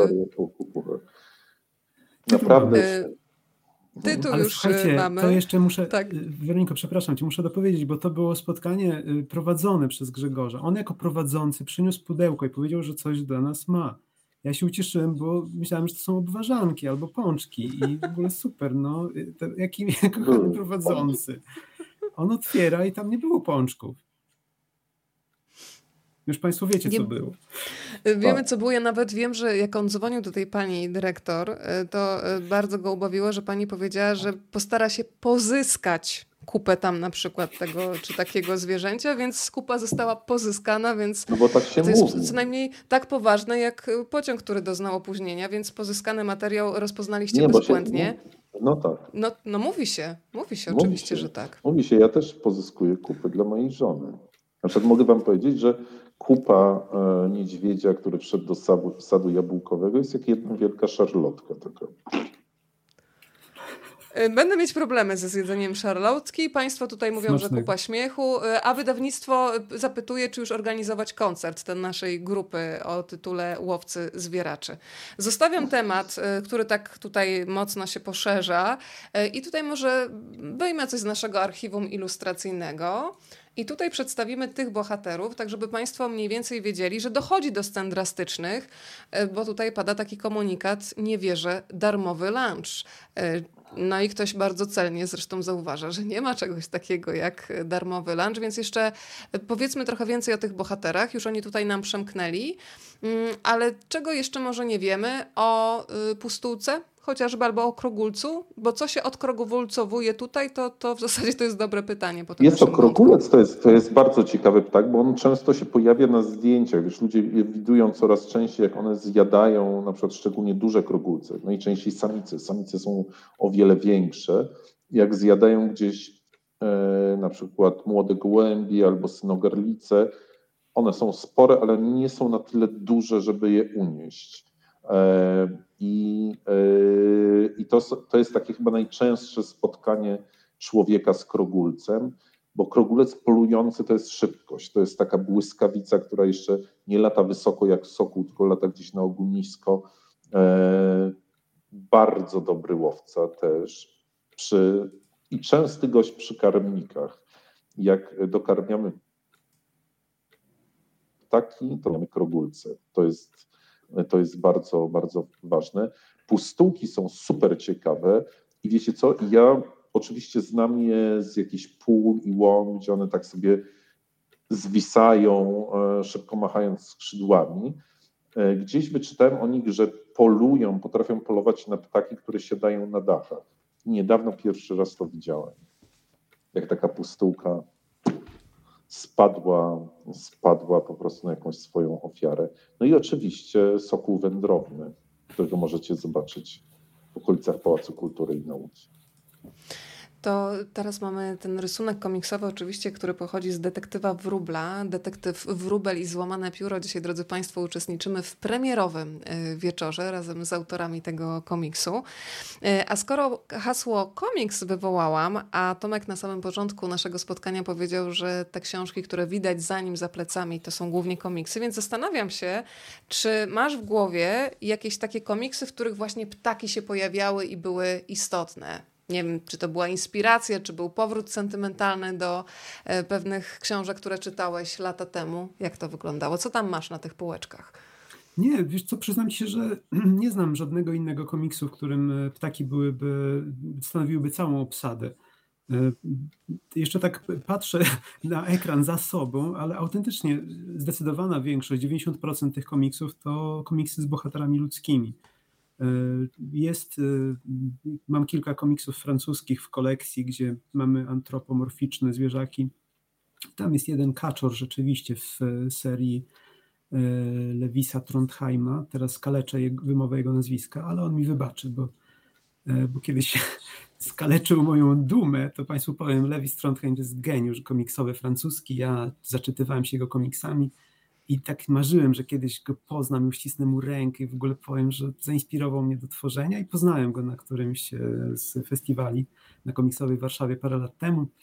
I mu mówię, tak widzę go, mówię, Lewis, ja marzyłem o tym spotkaniu, w ogóle jesteś inspiracją, tak e, uwielbiam twoje komiksy. E, I on tak spojrzał na mnie i powiedział, no to teraz możesz umrzeć i poszedł. Wow. jest, jest cudowny, ale no jest, jest dokładnie taki jak jego komiksy. Ten czarny humor jest obecny w każdym jego komiksie.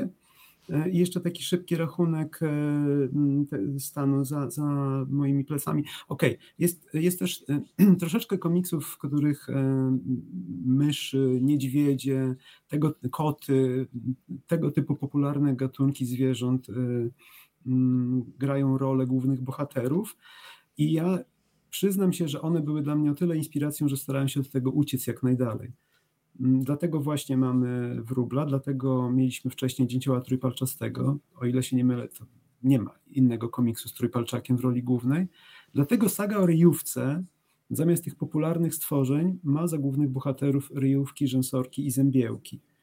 I dlatego też kolejne moje komiksy, które gdzieś już tam w głowie mam za, zakodowane i obiecane samemu sobie, też wcale nie będą o kotkach, myszkach i innych popularnych, znanych wszystkim stworzeniach. A możesz mi obiecać, że narysujesz leśnisia na wapnika? Przepraszam?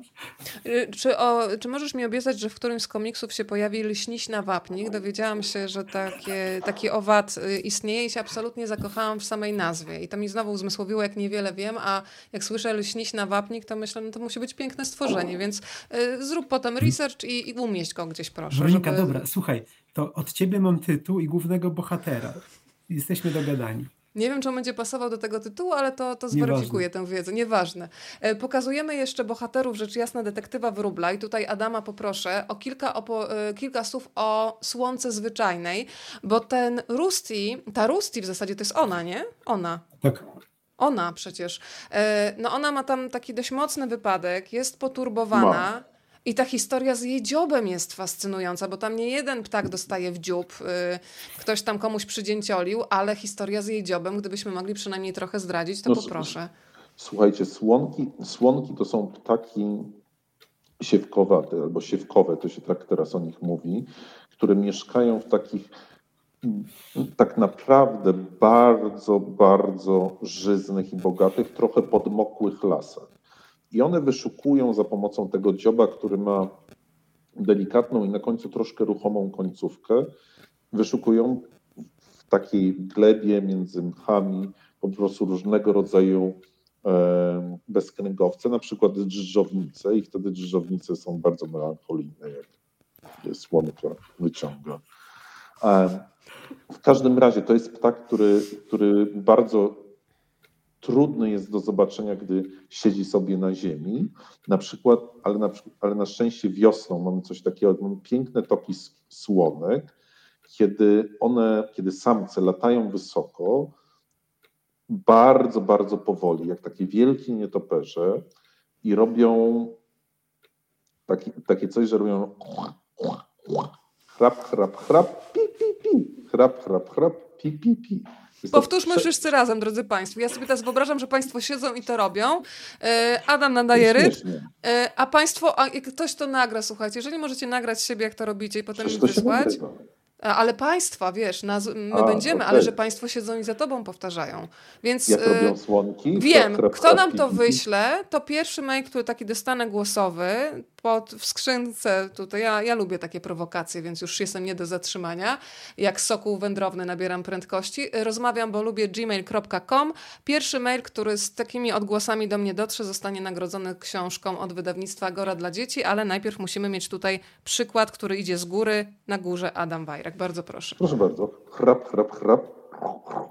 Pi, pi, pi. Ale e... jeszcze wyżej pisz. Ale Koniec. najtrudniejsze jest to drugie. Czyli co? Chrap, chrap, chrap, a potem co? pi, pi, pi. Ale nie, jeszcze coś było chrup, po drodze. Chrup, chrup, chrup. Albo chrap, chrap, chrap, chrum, chrum, chrum. Nie, to chrum, chrum, chrum to inne zwierzątko nam tu wchodzi. Nie, ona chrumcha. Słonka chrumka. Naprawdę. Chrum, chrum, chrum. Albo chrap, chrap, chrap. Pi, pi, pi. Tomek, a ty się nie śmiej, tylko powtarzaj. Nigdy nie słyszeliście słonek? No w życiu. Pierwszy raz słyszę. Dobrze. W każdym razie tu nie mogę też zaspoilerować, ale słonki w pewnym momencie rozpoczynają wędrówkę i w pewnym momencie na trasie tych wędrówek są, ich, są miasta i one się zderzają z cywilizacją. To zderzenie z cywilizacją jest tutaj faktycznie mm. kluczowe. To jeszcze raz wróćmy do naszej rozpiski, w zasadzie do takiej Ale legendy. Ale musicie zobaczyć słonki wiosną. Zapraszamy do Puszczy Białowieskiej wiosną. No ale to wytłumacz w takim razie, bo tutaj mamy miejski komiks, przecież detektyw Wróbel i złamane pióro rozgrywa się w mieście. Skąd w takim razie, skoro ty zapraszasz teraz do puszczy, ta słonka się nagle znalazła w tym mieście? No, jak to powiedział klasyk, ptaki mają skrzydła i latają. Ludzie też, a wy dodajecie ludziom skrzydeł. No nie, więc jakby wiesz, jakby cała masa ptaków wędruje i wędruje przez miasta. Miasta też mają taką też nie chcę spoilerować, taką przyciągającą właściwość e, różnymi swoimi artefaktami. I niestety dla wielu ptaków to po prostu jest bardzo niebezpieczne wlecieć, wlecieć do miasta, bo są różnego rodzaju tam, e, czyhają na nie niebezpieczeństwa. I słonki bardzo często wlatują do miast i ludzie później piszą, ojej, znalazłem takiego ptaka na trawniku, albo znalazłem takiego ptaka na chodniku, co to jest, dlaczego jest w mieście. E, po prostu to jest wynik wędrówki, wynik bardzo niesympatycznego zdarzenia. Podobnie jest z zimorodkiem, podobnie jest z włochatką. To nie są ptaki, które mieszkają w miastach. To są ptaki, które starały się wędrować przez miasto. Y, pojawiło, pojawił się pomysł promocyjny. Mam nadzieję, że Małgorzata Gałysz-Wróbel, to nazwisko jest dzisiaj bardzo istotne, czuwa. e, przy kolejnej książce Kod z dostępem do głosów ptaków w wykonaniu Adama. To y, mam nadzieję, że jesteś Adam o, gotowy nie. na taką formę promocji. Niektórych ptaków. Niektórych. No to jest pewne zastrzeżenie, ale jest też szansa, nie powiedział zdecydowanego nie. Państwo tutaj też piszą jeszcze a propos ryjówki. Po przeczytaniu komiksu u nas w domu zrodził się związek frazologiczny mieć ryjówkę to znaczy umierać z głodu. To Tomek, muszę cię zapisać, jak często u was w domu, e, wśród znajomych, wśród bliskich w ogóle zaczynacie rozmawiać e, już tymi tekstami komiksowymi, które pojawiają się w dymkach, ktoś komuś przydzięciolił, na plamkę Mazurka. Tutaj takie hasła między innymi się pojawiają. Bardzo też lubię takie groźby karalne E, ja pamiętam krzaki, w których mieszkasz i tak dalej, więc e, macie jakieś takie hasła, które potem fru fruwają notabene gdzieś w takiej domowej przestrzeni? Wiesz co, to, to wszystko y, ja słyszę i ja to potem przepuszczam przez filtr konkretnego komiksu, ale bardzo mało z tych haseł ja wymyślam sam z siebie. To wszystko jest gdzieś zasłyszane, podpowiedziane z boku, e, właśnie przefiltrowane, przetłumaczone na język dzięcioli, riówkowy, czy w tym wypadku wróbli i wpakowane do komiksu. E, czasami to się sprawdza e, od razu, a czasami pierwsi recenzenci, czyli moje dzieciaki, no, zgłaszają, że tato, ale tutaj to popłynąłeś albo pojechałeś już, jesteś daleko poza bandą i wtedy ja muszę się cofnąć, cofać, cofać, kasować trochę tych związków frazeologicznych i to, co Państwo dostajecie, to już jest taka wersja e, często wygładzona przez moje dzieciaki, które nie pozwalają mi za bardzo odlecieć nie pozwalają odlecieć. Cały czas się trzymamy tutaj tego ptasiego nazewnictwa. Ale, ale nie podcinają przyleciało... mi skrzydeł, nie, nie. No, no, one tylko dodają, ale przyleciało pytanie aż z Afryki, z Kapsztadu od pana Eryka. Pytanie do pana Tomasza. Wiemy już, że pan Adam kolekcjonuje kupy. A czy pan nie, Tomasz też coś zbiera? Kupy, przepraszam. Ale ty dostarczasz y, okazów do kolekcji, tak? W sensie... Ja muszę brać w tym udział, tak. Mhm. Mm, y, przejdźmy do pytania do Tomka. Państwo nawet Co nie wiecie, z jakich dalekich krajów przywoziłem kupy. Z jak dalekich? A to na lotnisku przechodzi przez kontrolę? Są sposoby. Y, państwo chyba będą się domagać programu pod tytułem Jak przemycać e, okazy do kolekcji dla pani profesor Nuri mm, Fernandez, ale to temat. To się wytnie. Na, na Panie Tomaszu, pana kolekcja. Między nami rozmowa. Tak, jak widać, ja kolekcjonuję komiksy, ale to jest y, takie oczywiste. Y, natomiast coś, czego nie widać może Państwo nie wiedzą, to ja kolekcjonuję bohaterów moich książek i komiksów w różnych wersjach. Mam pokaźny zbiór modelinowych, ulepianek, które, które dostałem w różnych okolicznościach. Mam bardzo dużo bohaterów e, książek i komiksów zrobionych na szydełku i w tym bardzo duży udział ma moja żona, która genialnie szydełkuje i, i ostatnio nam zrobiła e, bohatera umarłego lasu, czyli Triko, z którym jeździliśmy na wszystkie spotkania z Adamem. A najnowszy trend mojego kolekcjonowania to są bohaterowie moich książek zrobieni z klocków Lego. I to jest w ogóle nieprawda, że klocki Lego są tylko dla dzieci. To do kolejnej ja edycji Tomek, Lego Masters. Tomek, Tomek kolekcjonuje wszystko z Gwiezdnych Wojen. No to też prawda. Coraz y, więcej kart y, odkrywamy, drodzy Państwo. To y, powiedzmy jeszcze trochę, słuchajcie, o zimorodku. Ziomek zimorodek, bo on też tam biedny przelatywał, no i pojawił się w złym czasie, w złych okolicznościach i pojawiły się problemy, ale znowu skąd ten zimorodek w tym mieście, Panie Adamie? Tak samo, one wędrują, one wędrują, wędrują na dodatek. To są te wszystkie ptaki, którym się przydarzają te przygody. Ja tu uchylę rąbka tajemnicy. To są noc, głównie nocni wędrowcy, czyli e, wędrowcy, którzy kierują się za pomocą gwiazd i niektóre, niektóre ludzkie rzeczy mogą zaburzać im tą wędrówkę, mogą mylić, mogą e, wabić je i tak dalej, i tak dalej. Więc jakby to jest, e, to dlatego zimorodek, zresztą ja tutaj niedaleko w Krakowie znalazłem zimorodka w środku miasta na chodniku, e, który został tak właśnie przez te dziwne różne nasze wytwory cywilizacji zwabiony. Bo ta książka też trochę opowiada o tym, że rzeczy, które nam się wydają bardzo nieszkodliwe, e, mogą powodować różne bardzo niebezpieczne rzeczy, historię dla, dla zwierząt, w szczególności dla ptaków. I też trochę mówimy o tym, jak to rozwiązać. Podajemy namiary naukow, na naukowców i przyrodników, którzy się tym zajmują, bo myślę, że z tym problemem, nazwijmy to zderzeń ptaków z cywilizacją, każdy się spotkał. Jak się nie spotkał, to się spotkał. Powiem więcej, jest to problem, którego często ludzie nie widzą. Tak. jest dla ludzi często przeźroczysty. Tak. Bardzo ładnie tutaj. Mm, część z Państwa pewnie czytała komiks, więc się teraz uśmiecha. Część się uśmiechnie e, po lekturze, wracając myślami do tej rozmowy. Pojawiło się pytanie od pani mm, Zuzy, ogląda nas teraz na YouTubie, które ptaki są najbardziej interesujące, a także ulubione, więc każdy z Was ma pewnie innych ulubieńców. Tutaj pytałam też o to, z kim się utożsamiacie, ale nie zawsze się trzeba, trzeba utożsamiać, żeby lubić, bo czasami nas fascynują kompletnie odmienne cechy charakteru, również jeżeli chodzi o obserwację ptaków, no to nie wiem, który z panów pierwszy, odpowie pani Zuzie. To, to ja może, bo, bo Adam pe pewnie ma tysiąc takich ptaków. Y, ja też lubię wiele gatunków, ale gdybym musiał wybrać top 3, to przede wszystkim kruk.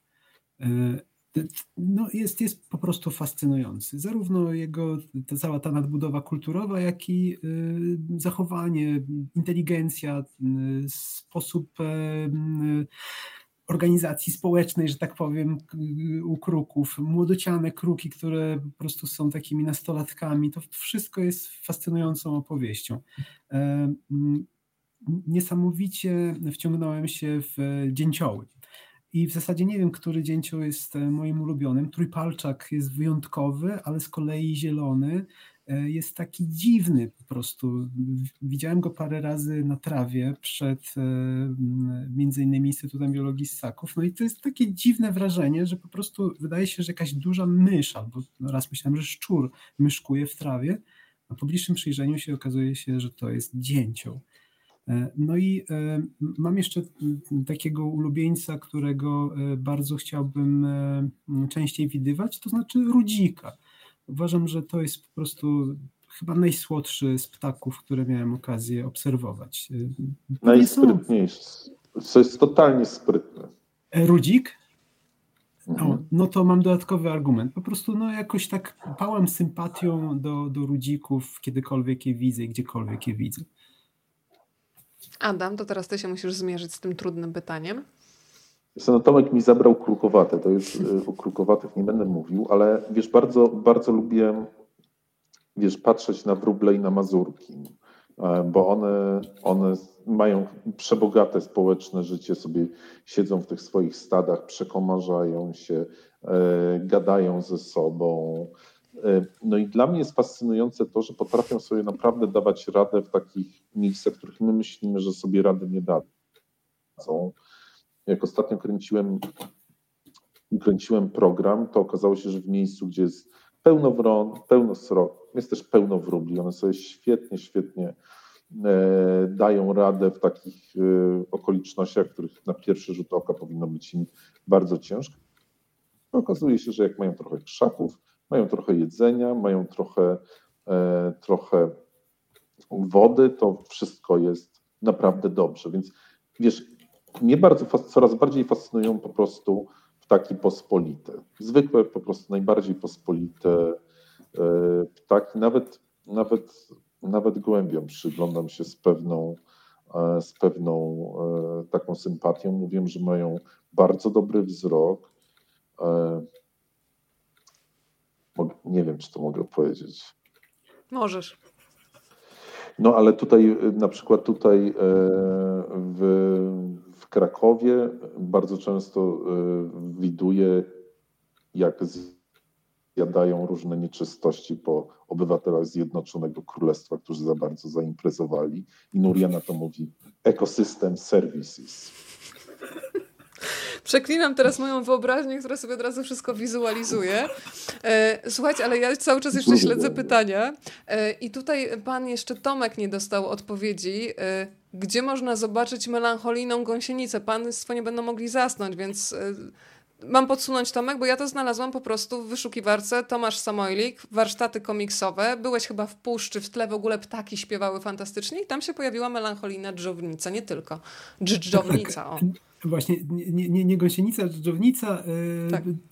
Bardzo cię proszę podziel się linkiem, bo to było... E, Zostawię pod dzisiejszą tak, transmisją. Tak, jednego z wielu warsztatów, a, e, a gdyby Pan chciał e, bliżej się zapoznać z dżdżownicami, to one e, odgrywają znaczną rolę w komiksie To nie jest las dla starych wilków. I tam, i tam dżdżownice pojawiają się w, w przerwach między rozdziałami. Tych rozdziałów jest tam kilkanaście, a, a dżdżownice pełnią rolę narratorów całej tej książki, całej tej opowieści. Także polecam. Dżdżownica w roli narratora. Zresztą Państwo już tutaj widzę komentują. Pani Maria pisze: Przemyt kup, leśniś wapnik, komiksy na szydełku, mój świat nigdy nie będzie już taki sam.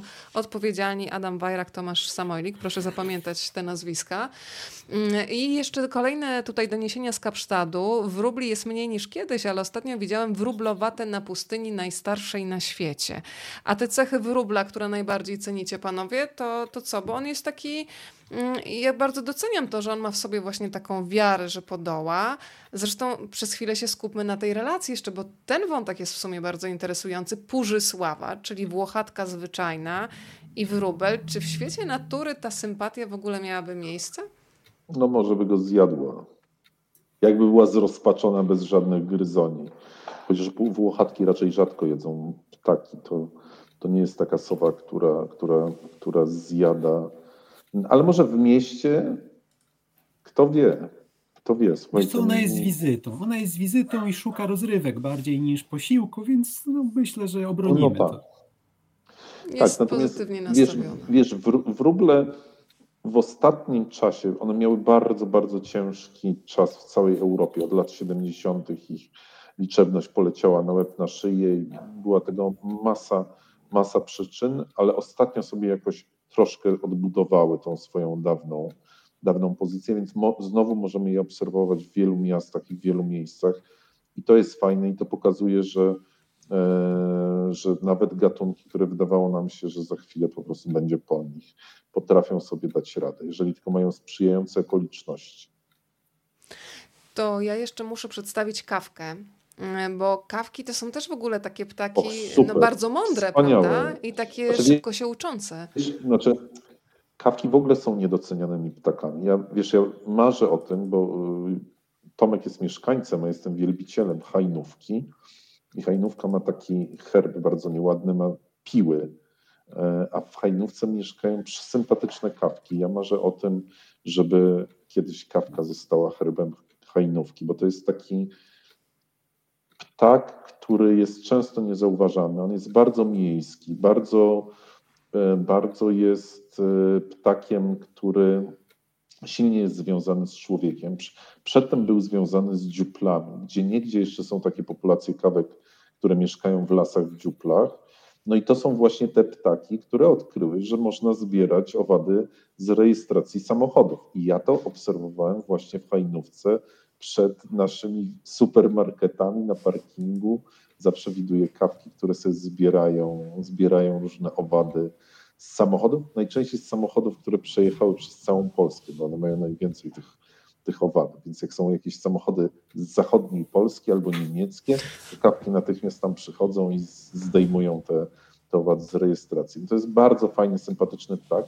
To jest też ptak, o którym bardzo dużo pisał laureat Nagrody Nobla, Konrad Lorenz e, robił badania, mają hierarchiczne społeczeństwa, no, dosłownie feudalne, rycerskie społeczeństwa, gdzie jest arystokracja, gdzie jest klasa niższa, ale podobno ta klasa niższa jest mniej nerwowa niż klasa wyższa.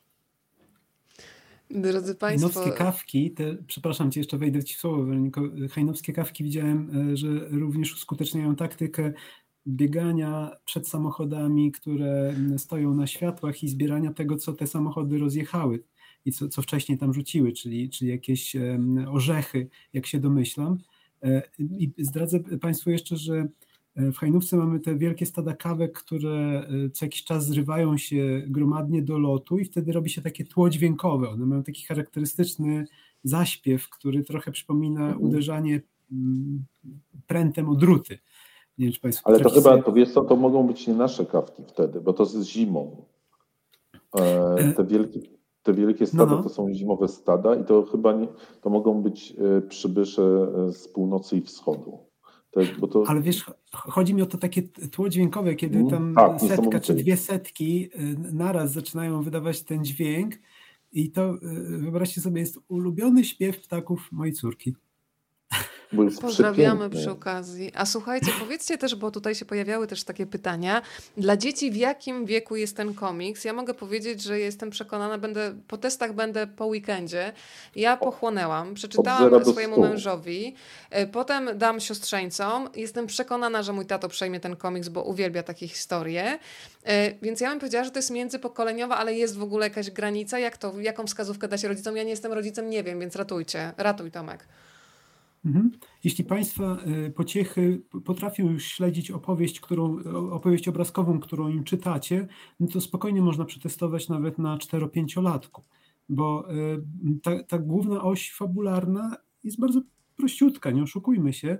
Natomiast y, im starsze dziecko, tym więcej wyciągnie z tego komiksów. No i oczywiście już taki 10-12-latek, no to po prostu łyknie to w całości, również z naszymi żartami słownymi, ale ale y, ja mam taką zasadę, że jak już rysuję taki komiks, który zajmuje mi kilka miesięcy, no to on musi być również dla mnie wkręcający i ciekawy, więc ja w każdym komiksie wtykam całe mnóstwo nawiązań popkulturowych, mrugnięć okiem, żeby taki 40-50 latek, który ten komiks sobie weźmie, również przypomniał sobie na przykład Bareję, albo Gwiezdne Wojny wspomniane tu przed chwilą, do których ja nawiązuję dosłownie w każdej mojej książce i komiksie, e, po to po prostu, żeby też docenić wkład starszego pokolenia w edukowanie tego młodszego. Czyli jak rodzic czyta, czy dziadek czyta mm, maluchom, to też, żeby się troszeczkę dobrze bawił. Nawet bardzo. Ja powiem Państwu, że były tutaj mewy śmieszki, a po lekturze detektywa Wróbla dostaniecie zmarszczek śmieszek, a to są najpiękniejsze zmarszczki na świecie. E, Adam, pytanie jest do Ciebie od Pana Eryka. Czy jest jakiś ptak oraz zwierzę, które Pan Adam chciałby zobaczyć na żywo? No zwierzę też ptak, czyli w ogóle czy jest jakieś zwierzę, które chciałbyś zobaczyć na żywo? O. E, w Afryce trzewikodzioba. Jak, jak? A... Jak się nazywa? Trzewikodziob? Trzewi... Trzewikodziob, taki, tak z takim po prostu dziobem jak Trzewik. Jak but, jak trzewik, taki duży szary bocian, tak to wygląda.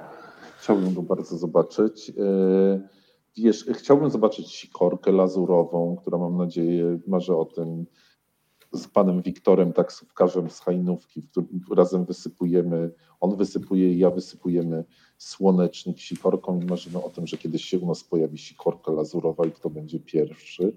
Bo to nie jest takie łatwe. Ona mieszka sobie na Białorusi, ale czasami się pojawia.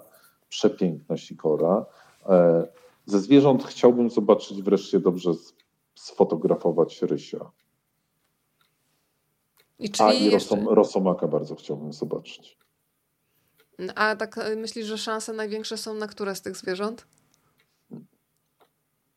Nie wiadomo, wiesz, to jest, to jest e, słuchaj, ja na, przy pracy ze zwierzętami nauczyłem się jednego, że te, które wydaje mi się, że zobaczyć jest je najtrudniej, widuję je bardzo łatwo. Te, które wydaje mi się, że na przykład sfilmować czy sfotografować jest bardzo łatwo, okazuje się, że jest bardzo trudno, więc jakby tu nie ma, nie ma reguły.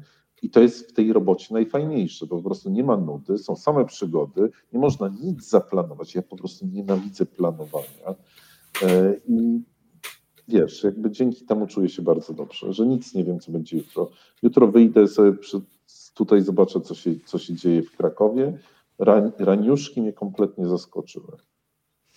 A ja e, patrzę jeszcze z sentymentem, bo tutaj powoli zmierzamy do końca, ale jeszcze sierpówka nie nadleciała. E, a to jest taki przybysz z Indii. Nie miałam pojęcia, że o. taką drogę pokonywała. I w niej jest coś takiego dystyngowanego i pełnego wdzięku. Mam wrażenie, że, że ona nie musi zaznaczać swojej obecności, trochę może taka wycofana. Niech Państwo zobaczą, bo to jest piękny ptaszek. Powiesz trochę o jej historii? Och tak, one, wiesz, one, one zaczęły podróżować właśnie z Indii przez Turcję do Europy i w latach 40. się pojawiły w Polsce. Bardzo są stałe w uczuciach, trzymają się w parach. E, no może mają nie najfajniejszy głos, mają taki takie Dobrze, wydamy tą płytę z tymi głosami taką.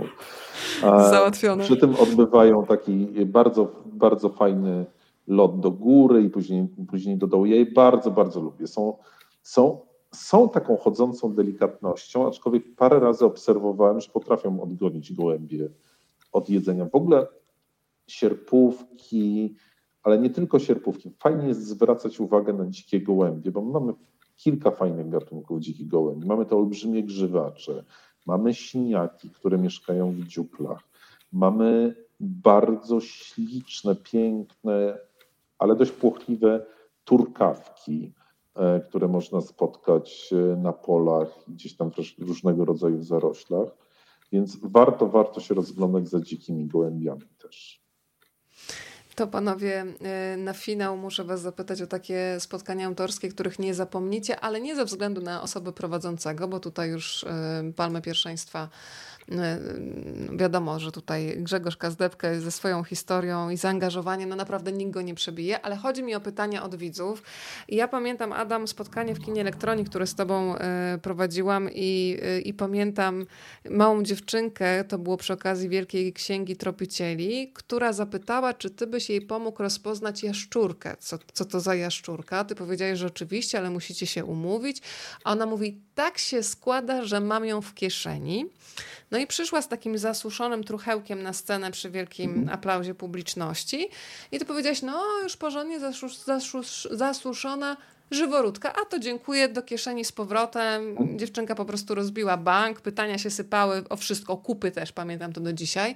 Ale zastanawiam się, które pytanie właśnie dziecięce najbardziej Was y, pracowało, bo tych spotkań odbyliście mnóstwo jeżdżąc po całej Polsce. Adam zresztą jest znany z tego, że zamykają targi, on siedzi przed targami i podpisuje tam do późnych godzin nocnych i rysuje też w tych książkach. Więc y, Tomek, Adam, jakie dziecięce pytanie kompletnie was wybiło z jakichś konwenansów, było kompletnie nieoczekiwane?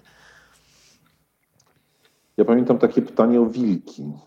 Jak, bo, czy wilki mają naturalnych wrogów? I to musiałem chwilkę pomyśleć i w pewnym momencie mówię, no tak, na przykład na przykład kleszcze. Kleszcze są naturalnymi wrogami wilków, e, bo roznoszą choroby, które mogą je zabijać. Więc jakby e, to kazało mi myśleć, bo w pewnym momencie było coś takiego, że myślałem, no Boże, ale przecież tego wilka nikt nie, nie zjada, nikt go nie, e, nikt nie jest większy od wilka i groźniejszy od wilka i dzielniejszy od wilka, więc, więc może wilki nie mają naturalnych wrogów, często się tak mówi, a to jest nieprawda. I to było pytanie od dziecka. Ja całkiem niedawno miałem pytanie e, o Pompika. E, jakiś, nie pamiętam, czy to był chłopiec czy dziewczynka, ale mm, młody czytelnik zapytał, ile Pompik ma lat. No ja sobie policzyłem szybko, że Pompik 2007, e, pierwsza, pierwsza książka, czyli, czyli lat 16 kończy w tym roku. I ta młoda czytelniczka, czy ten młody czytelnik powiedział, no to już jest bardziej niż dorosły, czyli niedługo umrze. I tak, e, bo wcześniej było pytanie, ile żyją żubry, ile na wolności, dlaczego samce tak trochę mniej. E, I też dało mi to do myślenia, że, że, że kurczę, pieczone, rzeczywiście ten pompik, gdyby był prawdziwym żubrem, to już ja bym się do niego absolutnie nie zbliżał. Ale wtedy ustaliliśmy sobie razem z czytelnikami, że pompik e, raz na zawsze ma dwa lata i zawsze będzie dwuletnim, ciekawskim, małym żubrem, a Polinka raz na zawsze ma roczek i, i zawsze będzie taką energiczną, mniejszą od Pompika siostrzyczką. O, tyle. Bardzo mi się podoba ta koncepcja, to ja sobie będę powtarzać, że raz na jakiś czas mam 35 lat na przykład, bo to jest taki fajny wiek, na którym bym się chętnie zatrzymała. E, w ogóle, no to jak doszliśmy... Raz na zawsze, bardzo dziękuję Tomek. Ale jak mówimy już o wieku, e, powiedziałam to ostatnio Adamowi, kiedy rozmawialiśmy o książce Na północ, e, kiedy można było poznać w tej książce Wajraka na przykład 23-letniego. I powiedziałam mu, że on cały czas tego chłopaka 23-letniego ma w sobie. Mm, I się zastanawiam, czy to właśnie nie jest y, sposób na to, żeby się kompletnie odkleić od tego, co jest w metryce, czyli podążać za swoją pasją, bo ja patrzę na Was, na dorosłych mężczyzn, ja tutaj też dorosła kobieta siedzi, ale jednocześnie mam wrażenie, że jesteśmy trochę takimi dzieciakami w dorosłym opakowaniu. E, I kiedyś ja się powiem wam szczerze, teraz już całkiem serio mówię, tego wstydziłam, że, że miałam takie wrażenie, że jakoś ludzie bardziej ogarniają, są poważni, a potem sobie uzmysłowiłam, że te cechy dziecięce, czyli ciekawość, e, umiejętność zachwytu, nie wiem, lśnisiem nawapnikiem, czyli z samym dźwiękiem, że to jest coś, co nam pozwala generalnie jakoś iść w tak w miarę bezstresowo e, przez życie, a przynajmniej łatwiej się poruszać. Więc jakie jest wasze podejście do wieku? Ile wy tak macie mentalnie?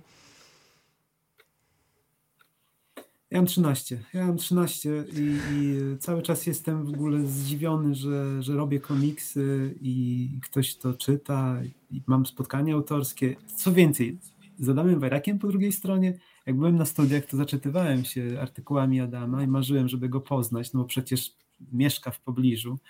E, I, I kiedy wreszcie zacząłem pracę w instytucie i poznałem Adama, pierwszy raz przy jakiejś okazji e, uroczystości w instytucie, to pamiętam do dziś, że natychmiast pobiegłem do komputera i napisałem maila do moich przyjaciół w Lublinie, że ja dzisiaj uścisnąłem rękę Adamu Wajraku z trzema wykrzyknikami. To było takie wydarzenie, no i...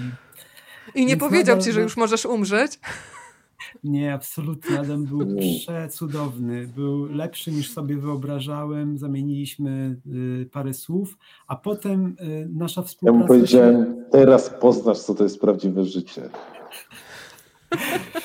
A potem współpracowaliśmy wielokrotnie y, naukowo. My z Adamem napisaliśmy bardzo fajny artykuł o niedźwiedziach, bardzo dobrze opublikowany naukowo, zanim, zanim się zabraliśmy za komiksy. Nie, to było w międzyczasie. Niedźwiedź był w międzyczasie. No okej, okay, ale zaczęliśmy tak. pracę jeszcze przed tym. Pomysł tak. powstał y, przed komiksami, o tak. tak. To panowie, na finał, każdy z Was znaczy... teraz jest w bloku reklamowym, który ma 30 sekund na to, żeby powiedzieć o esencji detektywa Wróbla. Detektyw Wróbel i złamane pióro. Co Państwo znajdą w środku? Bo ja jeszcze powiem, że dla mnie to też jest taka książka o tym, że w naszym życiu są bardzo ważne kropeczki nadziei i muszę się ugryźć w język, bo więcej nie mogę zdradzić, nie ale bardzo miło jest z wami e, tutaj w takim towarzystwie, z wami i z państwem, którzy są po drugiej stronie, e, szukać kropeczek nadziei, bo myślę, że to w ogóle nadaje życiu sens, żeby takie kropeczki nawet najmniejsze znaleźć. E, pan Adam teraz na temat detektywa Wróbla się wypowie? To ja użyję mojego sloganu. Najmocniejsza książka o zderzeniu przyrody z cywilizacją. Tomasz Samojlik? Prawdziwy miejski kryminał z ptakami w roli głównej. I teraz Hitchcock jeszcze w zasadzie tutaj powinien, słuchajcie, nadlecieć na chwilę. A ja sięgnęłam do komiksu Nieumarły Las i tam, słuchajcie, e, jest Bargiel. Pamiętacie go na pewno, bo przecież go stworzyliście. Tak. Mm, I pojawił się tutaj ten pomysł na kolejny komiks, na grupę nawet rockową i on wypowiada takie zdanie, jak dla mnie plan wyczesany na pióreczko, szeryfie, więc y, trzymajmy się tego planu i jak go zrealizujecie, to jesteśmy już umówieni, że się tu widzimy, ok? Dobrze, oczywiście. Umowa stoi. Umowa stoi. Drodzy Państwo, to przypominam adres, y, na który możecie mm, wysyłać dźwięki ulubionych ptaków i może zrobimy tak, że jeden to będzie ten pierwszy tutaj, który nadał rytm Adam, a drugi, jeżeli jakoś specjalny sposób wpadnie nam w ucho, a w szczególny sposób wpadnie pani Wróbel w ucho, pani Małgorzacie Gałysz-Wróbel, to nagrodzi y, ten dźwięk y, wykonywany przez człowieka, ale imitujący dźwięki ptasie książką Detektyw Wróbel i Złamane Pióro. Słuchajcie, Słuchajcie, z całego serca myślę, że w imieniu wszystkich, którzy dzisiaj byli razem z nami, dziękuję Wam za Wasz czas, e, za poczucie humoru, za wrażliwość, za wiedzę e, i powtórzę, ale naprawdę w to wierzę, że jesteście uskrzydlający, więc dziękujemy za dodanie nam wszystkim skrzydeł. Adam Wajrak, Tomasz Samolik. Bardzo dziękuję. Bardzo dziękuję. Spokojnej nocy.